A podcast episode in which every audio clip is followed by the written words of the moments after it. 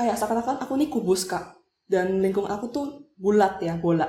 Aku tuh ngerasa aku harus ngikis tubuh aku biar jadi bulat seperti mereka. Biar aku diterima biar aku disayang sama mereka. I'm gonna I'm gonna confront them sih. I do believe that one of the best way is to just confront and just be honest kayak uh, jika mereka ngomong kok gitu sih lah aku bakal balikin. What do you mean? What do you mean aku kayak gitu? Bukannya kamu nanya bisa atau enggak dan kebetulan at the moment aku jujur aku emang nggak bisa so what do you want me to do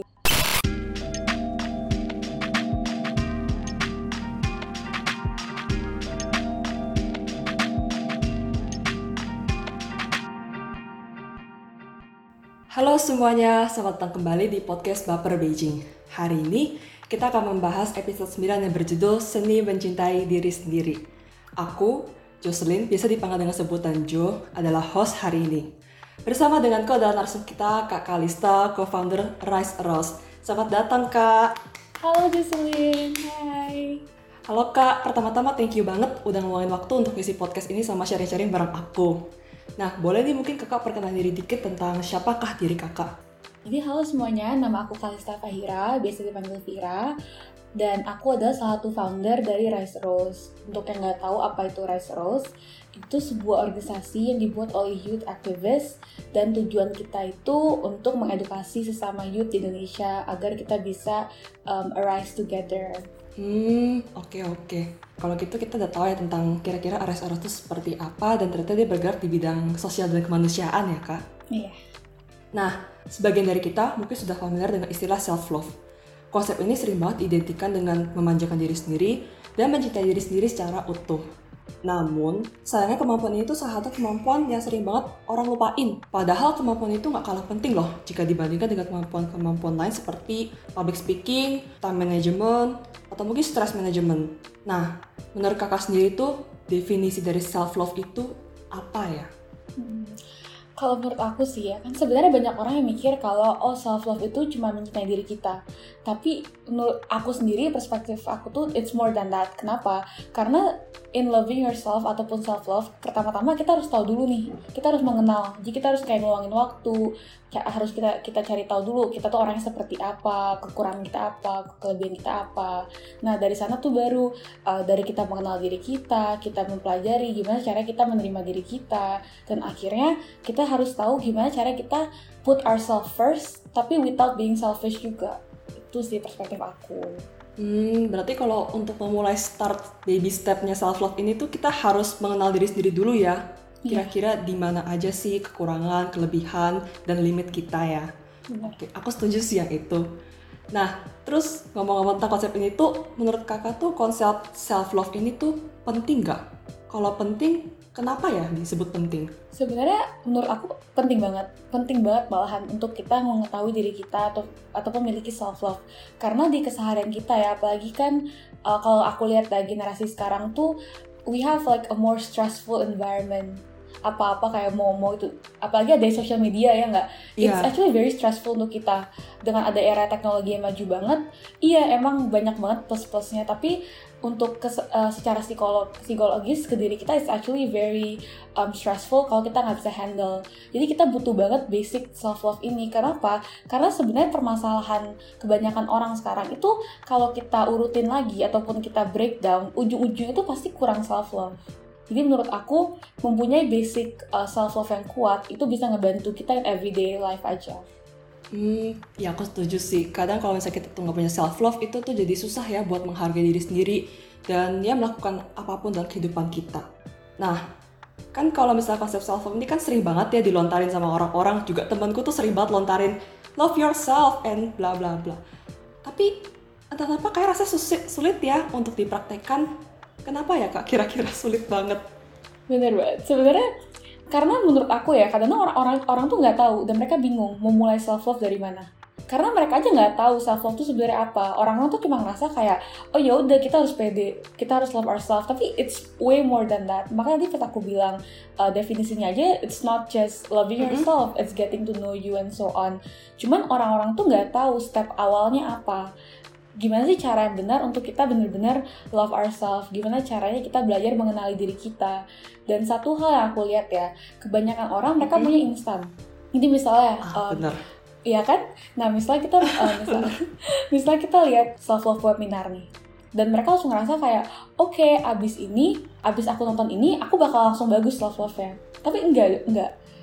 Karena sebenarnya dari trik-trik mempunyai self love yang baik aja, kadang-kadang itu nggak sesuai sama semua orang.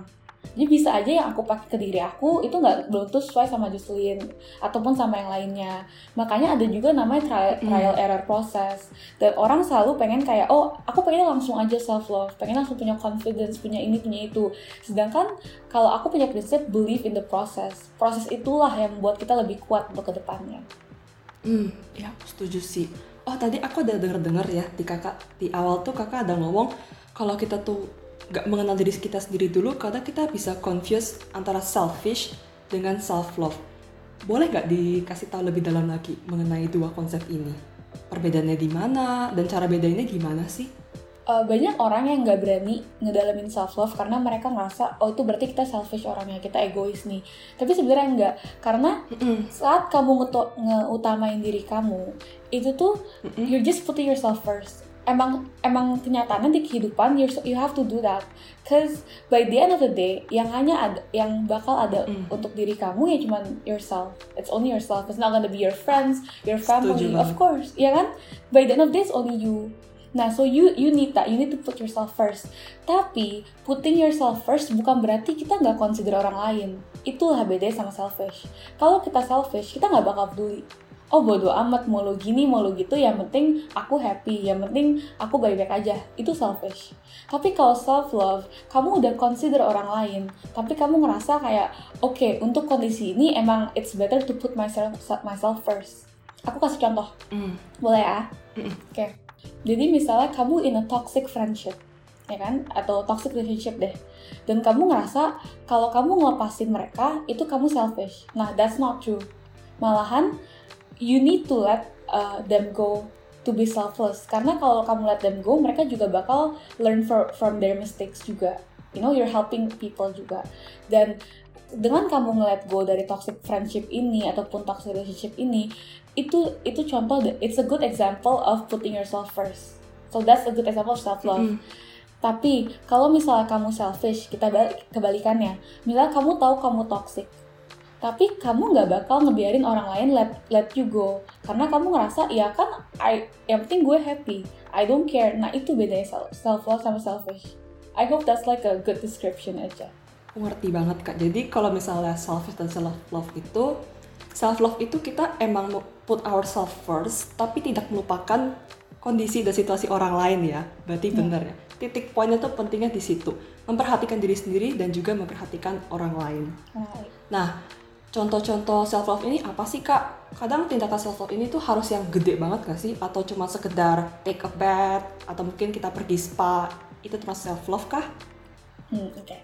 Um, sebenarnya beda ya self love sama self treatment atau self reward itu sih it's it's quite correlated sebenarnya. Jadi one of the ways you can do self love itu by doing self uh, self rewarding atau self treatment nah kalau mm -hmm. self rewarding atau self treatment baru tuh yang tadi kayak Justin bilang yang kayak kita spa atau kita take a bath. Nah itu bisa kayak seperti itu kalau self reward tapi kalau untuk self love itu sendiri it can be more than that gitu. Nggak harus grand gesture gitu nggak. Bisa dari hal hal paling simpel yang aku biasa ngelakuin self love aku tuh um, tiap hari aku bakal ngeluangin diri untuk self affirmation.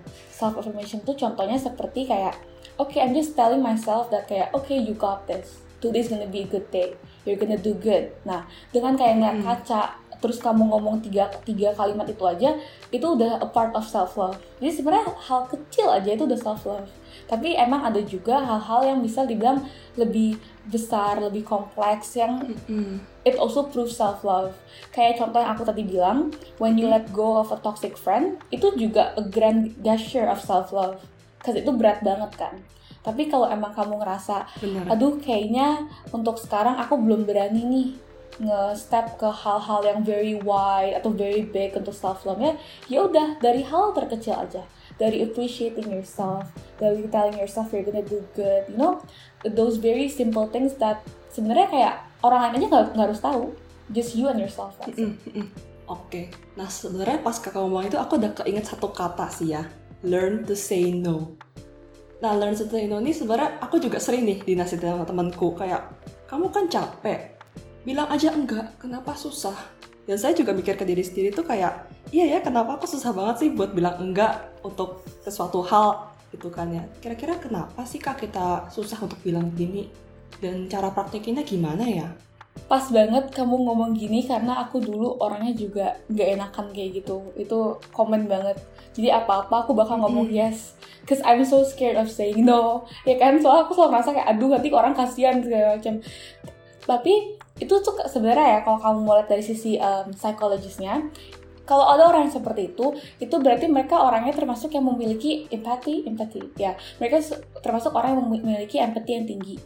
Nah, jadi biasanya kalau orang memiliki empati yang Mm. tinggi, kita tuh perasa, ya kan? Kan orang tuh sebenarnya kalau karakternya ada yang perasa, ada yang mikir.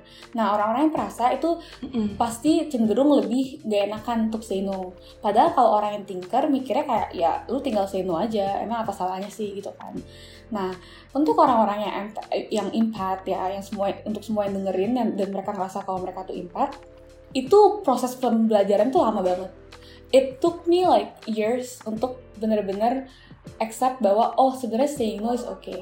Malah to be honest, sampai sekarang aku juga masih belajar kok. Karena sampai sekarang aja aku juga masih kayak, ya kan? Masih masih kayak, aduh gimana nih, masih nggak bisa. Apalagi kalau orang kita deket banget nggak?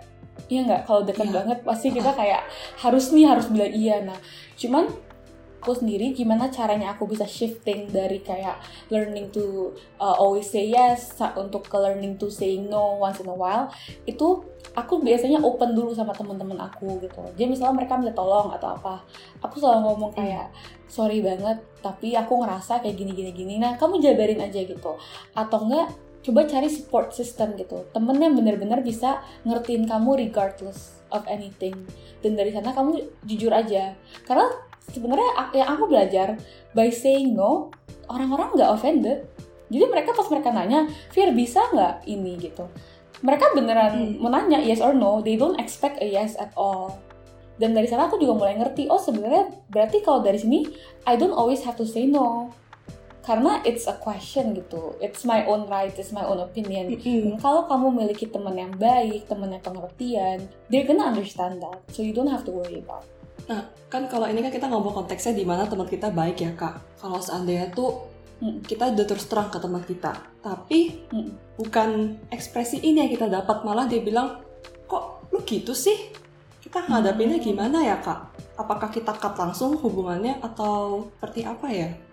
Kalau aku sendiri tipenya yang aku baru bakal ngekat hubungan Hmm. kalau itu udah kayak berka, udah bener-bener berkali-kali dan udah aku udah aku, aku pikirin dulu kayak aku udah bener-bener kayak reconsider a lot of things. Jadi I'm not going I'm not going to cut something straight away. Cuman yang aku yang aku selalu coba untuk cari di lingkungan aku karena aku aku aku personally ngerasa I'm quite open. Jadi kalau misalnya teman aku ada apa-apa, aku bisa kayak oke okay, let's let's try to uh, talk this out gitu I, I don't believe in kayak fighting stuff like that cuman tapi karena itu aku juga jujur I kinda expect my friend to be like that.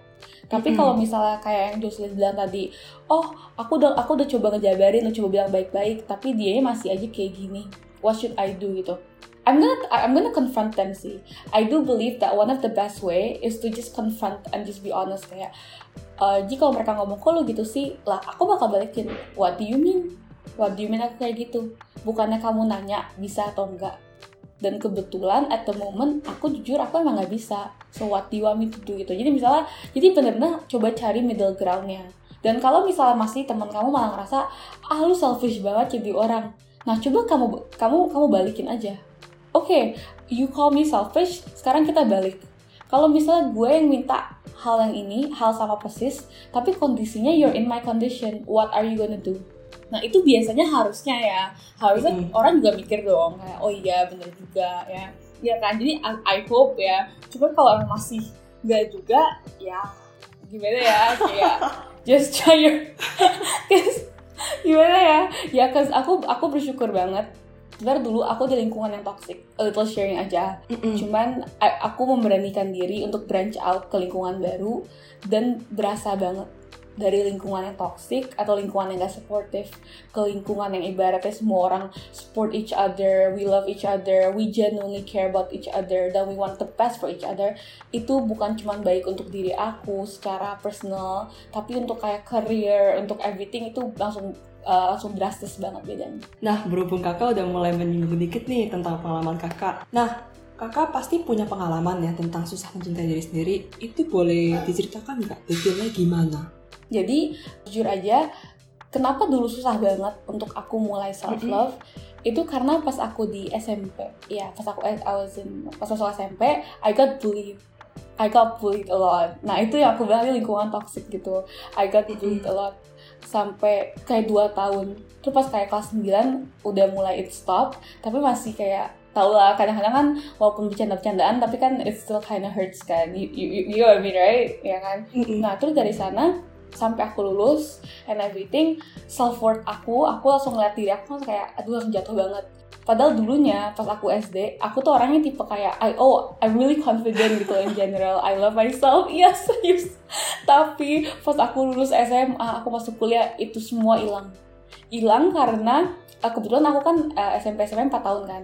Nah, mm. karena selama 4 tahun itu aku ngerasa bahwa I couldn't be myself, I couldn't be accepted dan akhirnya pas aku masuk kuliah itu semua all of the confidence it was gone. Dan dari sana it was kind of sad for me. Awalnya udah udah kebiasaan, tapi at some point aku nggak tahu kenapa aku langsung mikir kan, what happened ya to me? Kayaknya dulu pas aku SD I used to be like so confident with everything. I used to love doing this and that. Kenapa sekarang aku mau posting foto aja aku setakut itu karena dulu pernah kayak diomongin gitu. Jadi bener-bener kayak mindset aku tuh udah kayak aduh every single thing I do someone's gonna comment gitu. Someone's gonna bully me, someone's gonna do this. Dan dari sana aku mikir kayak oke okay, sebenarnya salah di mana? Ini salah di aku atau di lingkungan aku atau gimana? so dari sana aku cari third opinion. Third opinion dalam arti aku branch out nih ke lingkungan baru ke orang-orang baru. Uh, dan dari sana dan dari teman-teman kuliah aku aku cerita kayak eh aku mau mau minta opini nih tapi netral aja ya. Nggak usah nggak usah sugar coating nggak usah ngemihak pas pas high school this happen bla bla bla bla uh, menurut kalian perspektif kalian gimana? Apalagi kan kalian juga kenal sama aku is it my fault? Is it the environment or what gitu. Dan ya aku bersyukur aja sih. Karena lingkungan kuliah aku juga orang-orang uh, cukup suportif dan akhirnya mereka ngebantu aku gain that confidence back. Mereka benar-benar kayak bantu aku step by step. Dari mulai kayak udah Fir posting posting aja. Posting story posting story aja. Kalau mau ngomong ini ngomong aja. Don't care about other uh, their opinion. Karena ibaratnya mereka cuma seper berapa sih dari orang di Indonesia? Benar. Ya Iya kan? Cuman berapa orang, cuman kecil banget. Jadi kayak why are you so worried of that? Dan dari sana mulai tuh proses aku kuliah 3 tahun. Pelan-pelan pelan-pelan pelan-pelan I got my I gain my confidence back. Dan aku lulus kuliah aku lebih bersyukur lagi. Aku ketemu lingkungan-lingkungan bisa dibilang seperti social activist yang memiliki passion sama seperti aku dan hmm. itulah akhirnya kita buat Rise Rose juga dan kan kita bertujuh ya founder ya dan hmm. uh, enam orang ini tuh menjadi support system aku sampai saat ini yang yang paling amazing yang aku bisa sharing apa aja dan kita satu sama lain tuh sebenarnya we experience similar problems you know ternyata we we uh, some of us dulu got bullied juga we have some problems dan akhirnya kita bisa nyari common line dan we can become a very positive circle hmm. and dari sana finally I reach a stage where I think I love myself. You know I well oh no not I think malahan I believe I love myself. I appreciate myself. And yeah dan sekarang akhirnya I'm speaking up for it. In events and podcasts and I'm really happy for that. Inspiratif banget kak. Berarti ini awal kisahnya juga ya dari Arise Rose gimana? Iya. Nah sebenarnya aku juga punya sih pengalaman mirip sama kakak itu juga terjadi di masa aku SMP sampai SMA. Cuman bedanya aku di sini aku nggak dibully.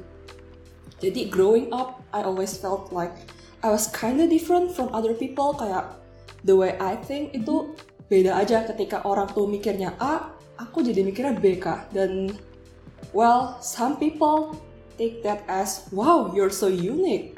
Kayak kita nggak pernah ketemu orang kayak kamu. Tapi itu nggak banyak yang seperti itu. Kayak most of the majority of people tuh nganggap saya nganggap aku tuh sebagai orang yang aneh. Nganggap aku aneh dan kayak apaan sih maksud lo? Kayak kok gak jelas banget gitu ya. Dan akhirnya tuh berasa di left out kan ya. Mungkin mirip seperti kasus bully bully kan jadi ngerasa left out ya. Tapi bedanya mungkin bully lebih parah dikit ya dampaknya. Aku juga di left out sih dari situ.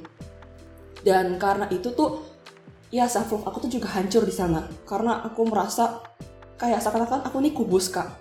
Dan lingkungan aku tuh bulat ya bola. Aku tuh merasa aku harus ngikis tubuh aku biar jadi bulat seperti mereka. Biar aku diterima biar aku disayang sama mereka. Well at first itu kayak happy ya karena kayak aku merasa akhirnya aku dicintai kembali sama orang-orang. Aku diterima sama orang-orang. Tapi lambat tuh aku merasa seperti kok kayak aku nggak pernah dihargai? Seperti itu sih kak. Jadi kayak aku ngomong apa pasti mereka nanti nggak menerima aja. Mereka cuma aku seperti somebody weird somebody yang childish gitu. Jadi aku nggak pernah masih di appreciate sampai akhirnya tuh pas kok quarantine ini ya kita kan jadi di touch ya semua orang kan. Hmm. nah Iya. di situ tuh aku jadi realize kayak kenapa aku begini? Kenapa aku harus ngebuang harga diri aku demi orang-orang yang nggak pernah menghargai aku gitu sih. Mungkin mirip seperti kakak juga ya. Kakak juga realize kan. Kenapa aku harus begini? Kenapa post IG tuh harus takut gitu ya? Jadi di Iya. situ aku realize dan benar seperti kakak bilang keluar dari lingkungan itu agak susah. Karena kan kita kalau keluar dari situ we don't know dunia itu seperti apa. Apakah kita akan menemukan kembali tempat seperti itu? Ya kan kak. Nah. Iya. jadi ya itu quite a long time buat aku untuk berani keluar dari situ dan akhirnya aku berhasil keluar. Dan ya seperti mungkin yang pernah pernah rasakan kita pertama keluar tuh pasti rasanya lonely banget ya. Kayak nggak ada orang-orang di sekitar kita kita tuh bener-bener fresh gitu kan di situ. Tapi aku ingat waktu itu ada satu orang pernah ngomong ke aku ah ini yang ngomong tuh kakak perempuan aku. Dia bilang just be yourself. Ketika kamu menjadi diri kamu sendiri orang yang tepat akan datang ke kamu sama seperti kakak ya. Kakak kan ketika kakak jadi diri sendiri kakak ketemu nih kan andam support sistemnya kakak yang akhirnya jadi rest terus kan. Nah aku juga. Jadi aku mencoba proses journey itu aku menjadi diri sendiri.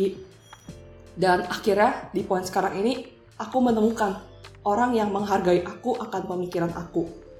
Dan itu jujur ngebuat aku happy banget sih. Jadi aku bener-bener bisa relate banget dan aku jujur terse- cukup tersentuh sama ceritanya kakak. Gitu sih nah abis itu dampak dari kisah kakak nih ke kakak tuh tadi kakak jadi nggak confidence ya bener ya Iya, confidence aku bener-bener hilang.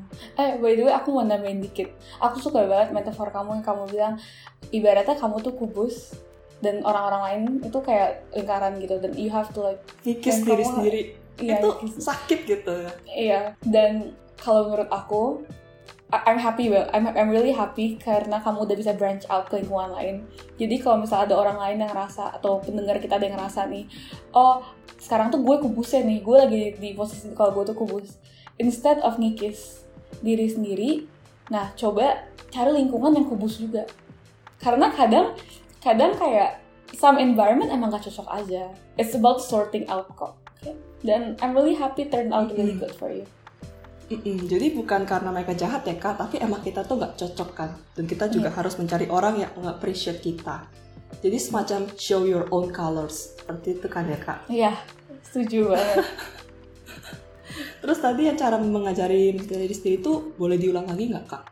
Seperti apa ya cara kita mengajari? Kan kita kan setelah mengalami trauma ini tuh kita kadang susah ya buat get on the way, on the right track to love ourselves. Itu gimana handle-nya ya? Karena sendiri aku pun juga sekarang ngalamin problem itu sih. Sebenarnya sebelum kita mau belajar du- dulu nih caranya kita get on track, itu kita harus tahu dulu nih apa pun yang terjadi saat kamu jatuh or when things gets worse, you still have to keep on fighting. Karena kenapa aku mau ingetin dulu sebelum aku kasih tau caranya? Karena jangan sampai kalian ngerasa kayak oke dengan aku ngikutin cara ini atau dengan aku journey self love aku gak bakal ada saatnya aku jatuh. Karena salah banget malah kamu bakal jatuh berkali-kali berkali-kali sampai kamu udah capek banget sampai kamu di titik paling bawah dan kamu ngerasa udah ah nggak usah tapi saat kamu berani bangkit dari titik itu itu di mana kamu bener-bener bakal paling belajar dan kamu bakal bisa mengerti apa sih sebenarnya arti self love? Dan untuk caranya kayak kalau kamu mau nanya step awalnya kamu cari tahu background kamu. Kira-kira kenapa sih kamu kurang self love? Pasti semua orang punya asal mereka masing-masing. Kalau aku ya jujur karena bullying itu. Kalau kamu justru mungkin karena yang kamu cerita ke aku juga kan. Tapi kita nggak pernah tahu mungkin ada juga yang dari dari efek keluarga atau ada yang dari kayak efek pacar ini itu. Pasti kan semua orang beda-beda. Nah coba kamu cari tahu dulu tuh sumber masalahnya sumber penyebabnya itu kamu cari tahu bisa nggak sih kira-kira you overcome this Kar- kalau aku menurut aku em, kita masih cukup beruntung ya karena kita kan dari lingkungan kita, kita background kita dari lingkungan sekolah atau pertemanan Mm-mm. jadi kalau mau branch out walaupun susah bisa. Tapi untuk orang-orang yang misalnya nggak ada self love dari lingkungan keluarga, itu kan berat juga ya lah. Mau branch out gimana? You cannot change your family. You know, itu challenge ya, itu challenge yang kayak it's gonna be a different challenge lagi. Nah, cuman I do believe that every problem has a solution. Pasti ada. It's about seeking it out aja. Jadi abis kamu cari tahu sumbernya, dan kamu tahu kamu cari tahu kira-kira bisa nggak sih ini di solve or or not gitu. Nah kamu kamu buat step by step proses. Oke, kalau misalnya aku mau solve masalah ini, apa yang aku harus lakuin? Jadi kalau misalnya aku masalah sama keluarga, oke kira-kira bisa nggak sih aku confront keluarga aku ngomong baik-baik? Kalau nggak bisa, apa cara B-nya? Kalau bisa ini gitu. Jadi bener-bener you dive deep gitu dan ngeluangin waktu untuk berpikir. Jadi jangan kayak ngerasa, oke satu jam cukup. Enggak, satu jam tuh nggak cukup. Jujur, 24 jam tuh nggak cukup. Kalau menurut aku, kamu benar-benar harus punya waktu di mana you dev apa you develop your thinking gitu. You you you dig deep. Mm-mm. dan itu proses digging deep aja proses. Kenapa aku selalu ngomong self love itu it takes a very long time. It's a lifetime process berarti gitu. Karena kamu nggak bisa cuma duduk mikir cuma ngerenung aja itu nggak bakal masuk. Kadang-kadang malahan pemikiran-pemikiran tuh ada di daily life jadi misalnya kamu lagi kegiatan kamu kepikir ini ya udah kamu note down aja dulu nah habis itu kamu ngulangin waktu bisa aja sejam sehari atau dua jam sehari terus kamu benar pikirin Oke, step by step kira-kira gimana caranya ini itu. Nanti kalau kamu udah develop plan kamu dan jangan salah, plan semua orang pasti beda. Jadi kalaupun aku ngasih plan aku ke semua pendengarnya atau ke kamu, it's not gonna work out. Karena kan kondisi Benar. kita nggak ada yang sama persis ya kan. Nah, jadi harus benar-benar develop your own plan dan dari sana itu perjalanan kal- kalian kalian mulai perjalanan kalian. Yang aku bilang kalian bakal jatuh. Jatuh banget. Beneran. Eh, aku bukan dis, dis, dis- apa being discouraging. I'm not ya I'm not discouraging you guys. Enggak. Cuman aku mau kita juga lihat sisi love dari sisi realistis juga. Percuma kalau aku ngomong ke kalian oh it's only gonna get better. It's only gonna get better. Buat apa aku sugarcoat kalau kenyataannya pas kalian ngejalanin lah kak kok makin lama makin kayak gini? Kok malah jatuh? Nah cuma itulah cobaannya. If you guys are lucky you're not gonna fall down gitu. Tapi if you guys are not, which most people are usually like that, ya udah it's a learning process. Dan dari plan kalian ini jangan salah, bakal banyak banget yang nggak sesuai. Cause it's again kalau aku ngeliatnya it's a trial and error process. Kadang kita ngerasa, oke misalnya aku mau branch out ke lingkungan baru nih, it's gonna fix all of my problems. Eh tapi giran kita branch out ke lingkungan baru, ternyata orangnya malah lebih toxic lagi. Itu possible banget. Nah itu trial error. Oke berarti er- em, gara-gara ternyata ini error, you have to have a new plan. Oke beranjak ke lingkungan lain. Ini itu. Jadi kayak the trial error process is always gonna be there. Tapi percaya sama aku, selama apa pun journey kalian atau selama apa pun trial error proses kalian, at some point I can guarantee you if you guys keep on fighting, kalian bakal reach titik finish itu titik yang kalian inginkan, titik di mana kalian bisa ngehargain diri kalian, kalian bisa berhenti ngebandingin diri kalian, kalian bisa develop confidence kalian, and finally, you guys being someone that truly love themselves. Bener, berarti memang iya ya proses self love ini cukup panjang ya. Kadang orang suka nggak sih kalau proses self love ini tuh sebenarnya panjang dan cukup deep dengan karena anggapan mereka tuh self love itu sebagai self treatment. Itu aku setuju. Karena aku juga awal tuh mikir self love itu berupa self treatment ya. Aku takdir diriku makanan dan sebagainya. Tapi I failed to realize that it is more, it is deeper than that and more complicated than that. Dan iya, benar yang kakak bilang tuh kita jatuh bangun kan. Kadang memang capek capek kan kita berasa seperti kok gagal terus gak pernah berhasil tapi ya kakak bilang tuh juga bener kita juga harus tetap look at the bright side terus berjuang gitu biar kita bisa mencapai diri sendiri di mana kita mencintai secara utuh. Itu sih. Nah, kita udah mulai menuju ke akhir nih kak. Sebelum kita menutup podcast ini, ada nggak sih yang pengen kakak sampaikan kepada pendengar podcast ini atau mungkin sepatah dua kata comfort words? Untuk semua pendengar, aku mau ngasih tau aja kalau you guys are not alone. Okay? karena kadang one thing that keeps me going biasanya pas aku down banget itu knowing that other people are also fighting kita ngeliat orang dan kita ngerasa oh hidupnya perfect banget ya apa kalau dari sos sosmed gitu tapi kenyataannya kita nggak tahu di belakangnya banyak banget kayak ibaratnya artis-artis yang kayak suicidal. Kenapa? Mm-hmm. karena sebenarnya life is not as beautiful as social media put it out to be. So just believe that you're not alone. Everyone is always fighting a battle. So don't give up. Al, kata-katanya nyentuh banget sih kak, ngena juga ke aku. Oke, berarti sampai sini podcast kita pendengar-pendengar Baper Beijing, thank you sudah mendengarkan dari awal sampai akhir. Dan yang bagi penasaran tentang Rice Rose, boleh nih langsung check out aja Instagramnya at Rice Rose. Boleh. Dan jangan lupa juga check out our Instagram at Permit Beijing. Sekian dari kita berdua, terima kasih sudah mendengarkan dan sampai jumpa di episode selanjutnya.